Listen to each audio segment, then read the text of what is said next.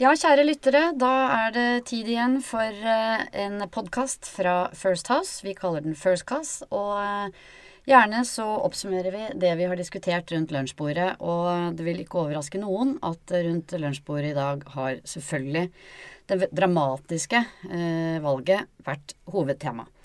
Mitt navn er Cecilie Ditlev Simonsen. Jeg skal være vert i studio. Jeg er partner og rådgiver her i First House. Og sammen med meg i studio i dag så har jeg Roger Ingebrigtsen, som har sin bakgrunn fra Arbeiderpartiet før du begynte her hos oss. Så har jeg Odd Hoen Sevje, som har vært politisk rådgiver for statsministeren, Erna Solberg. Og Lise Lotte Lunde, som tidligere har vært politisk rådgiver for Venstre. Og alle jobber i dag i First House, og alle har sittet, eh, ser det ut på dere som, eh, mye av natten for å studere dette valget. Og jeg begynner med deg, Roger. Hvorfor ble dette valget så dramatisk? Fordi det ligner ikke på noe annet vi har opplevd i Norge i moderne tid. Det ligner bare på resten av Europa. Og Det betyr at de store partiene blir mindre, noen av de mindre partiene blir større. Så istedenfor å være en familie med noen store og mange små, så er plutselig alle rundt bordet nesten like stor. Arbeiderpartiet har et historisk lavt nivå. Høyre har gått tilbake. De mellomstore partiene har enten gått veldig mye ned eller veldig mye opp. Så norsk politikk er på ett døgn veldig endra. Det er mulig Erna Solberg puster lettet ut, for eh, noen fryktet jo at Høyre skulle gjøre et enda dårligere valg, Odd, enn det det ble. Mm.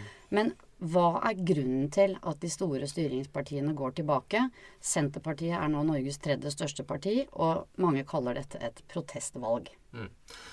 Um, for Ap sin del så er det en del av en ganske langsiktig trend. Um, for Senterpartiet sin del så handler det om at de har vært veldig flinke til å samle alt som kommer fra uh, myndighetene, og kalt det sentralisering, og vært mot det.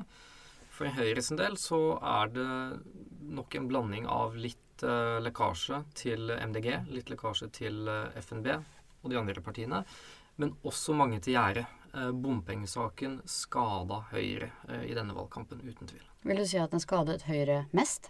Ja. Det er ingen partier som har velgere som reagerer så sterkt på borgerlig kaos som Høyre sine. Og når du får nesten eh, bompengekrise eh, på midt i valgkampen. Da setter velgeren seg på gjerdet. Til deg, Liselotte. Eh, Venstre har eh, antagelig en ganske kjip dag i dag. Eh, hva tror du at diskuteres nå eh, i Venstre? Og jeg, og jeg, tenker kanskje spesielt på ledersituasjonen i Venstre etter et så dårlig valg. Um, jeg tror veldig at Venstre må begynne å tenke på valg også mellom valgene. Fordi det blir veldig mye bråk og krangling i regjering, og man er ikke gode nok til å få frem seirene sine. Eh, og det så vi også spesielt nå i forbindelse med bompengediskusjonen og krisen i regjeringen. Eh, og så vil det også være spørsmål om talspersoner og, og ledelse av partiet fremover. Og ikke minst mot neste stortingsvalg. Hvordan skal Venstre eh, posisjonere seg som et klimaparti? Eh, og med hvilken ledelse jeg skal gjøre det.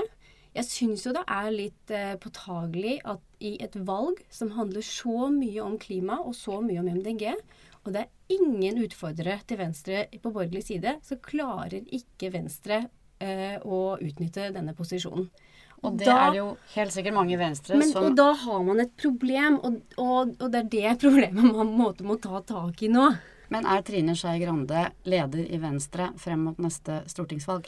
Det blir veldig spennende å, å, å se. Eh, Hva tror, tror du da? Nei, jeg tror faktisk ikke det. Eh, vi, eh, vi, må snakke litt om regjeringen. For selv om dette var et eh, lokalvalg, så, så, begynner jo selvfølgelig partiene absolutt nå å tenke frem mot 2021.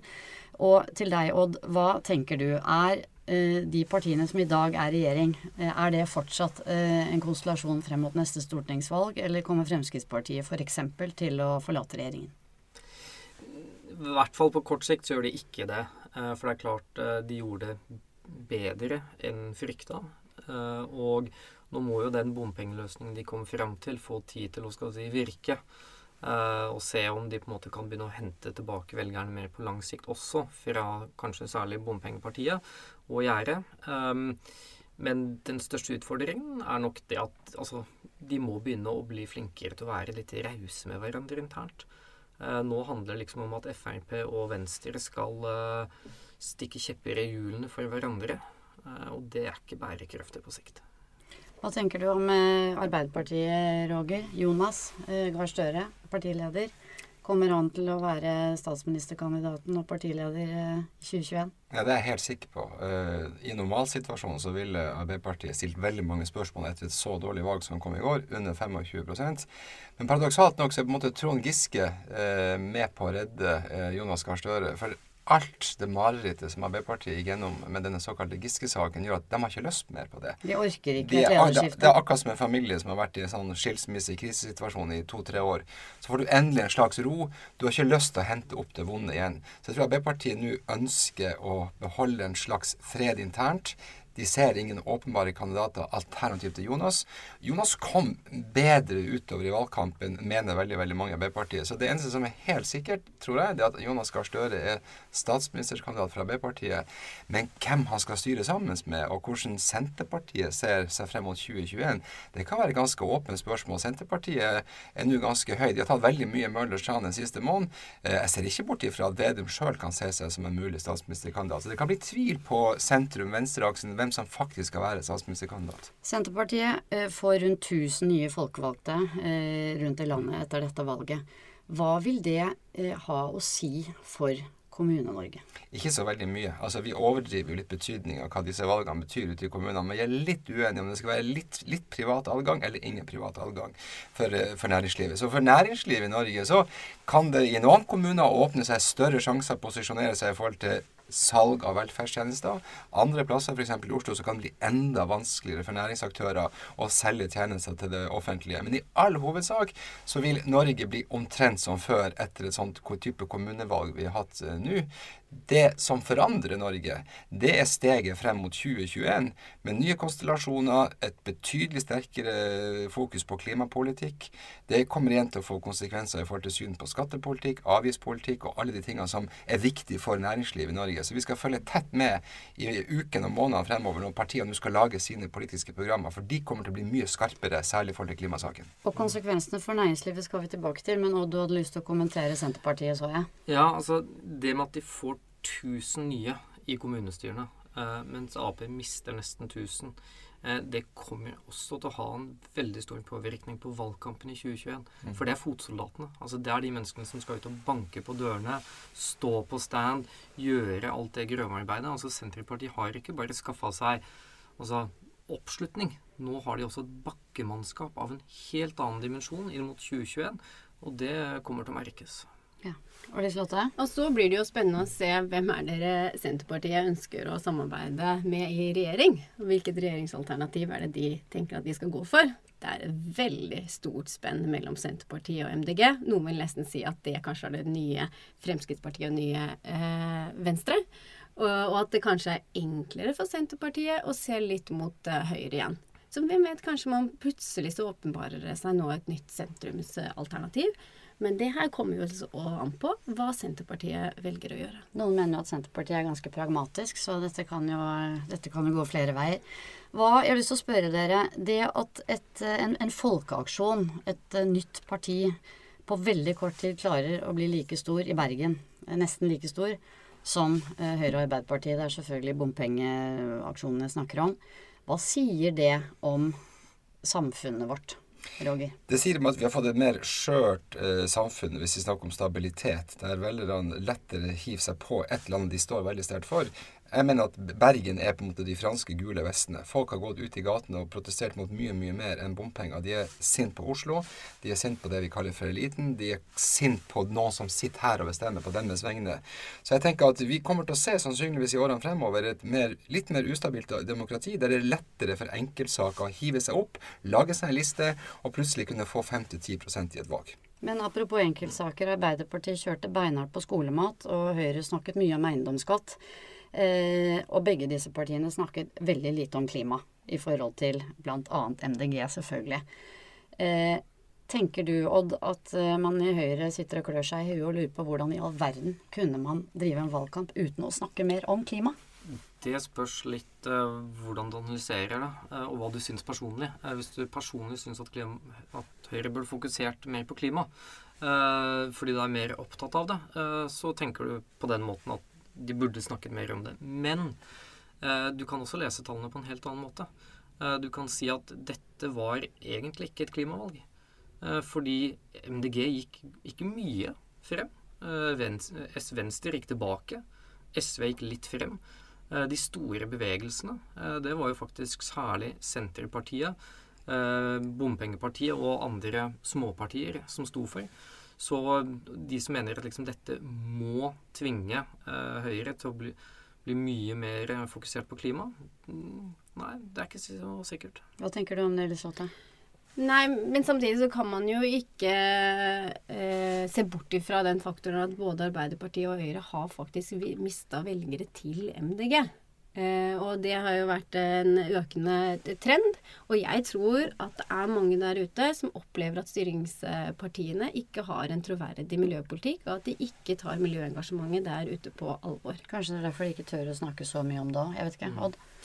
Nei, men samtidig så tror jeg det er nok litt lett lettere for MDG i et lokalvalg. Fordi når du kommer til nasjonalvalget, eh, da står plutselig hele olje- og gassindustrien på spill. Da er det det som er symbolet på om du på en måte er for eller mot klimapolitikk. Uh, I lokalvalget så er det liksom sykkel, gang- og sykkelvei, om bilene skal kunne parkere i sentrum osv. Og, men velgerne ser nok med større alvor på det eh, hvis det er et spørsmål praktisk talt for eller mot eh, den viktigste næringa vi har. Eh, vi må eh, innom til slutt eh, Hva tror dere konsekvensene av den nye politiske situasjonen blir for næringslivet fremover? Begynner gjerne med deg, Roger. Jeg tror at uh, norsk næringsliv skal følge godt med i timen de neste 700 dagene. De, de, partiene som nå ligger an til å kunne styre Norge om to år, har en annen næringspolitikk. Den er mye mer næringsspesifikk. De vil inn og støtte noen næringer på bekostning av andre.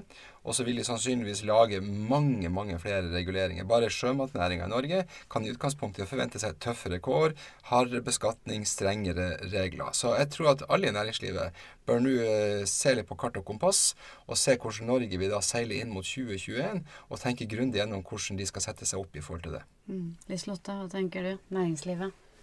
Eh, med tanke på Jonas Gahr Støres utspill under valgkampen, og hvordan han har dreid Arbeiderpartiet i en negativ retning når det kommer til bruk av private aktører, og hvordan synet på private aktører har utviklet seg i Arbeiderpartiet, så er jeg veldig bekymra.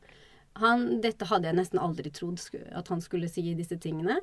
Eh, og det virker som at han ble tatt veldig av valgkampstrategi på slutten, istedenfor å tenke på hva er det egentlig Arbeiderpartiet har stått for i oppbyggingen av Norge de, eh, altså gjennom historien.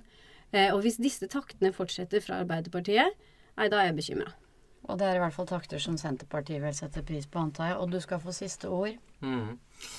Nei, vet du hva. Eh, vi er kanskje i den litt spesielle situasjonen at Senterpartiet eh, blir det mest næringsvennlige partiet i en eventuell eh, ny regjering.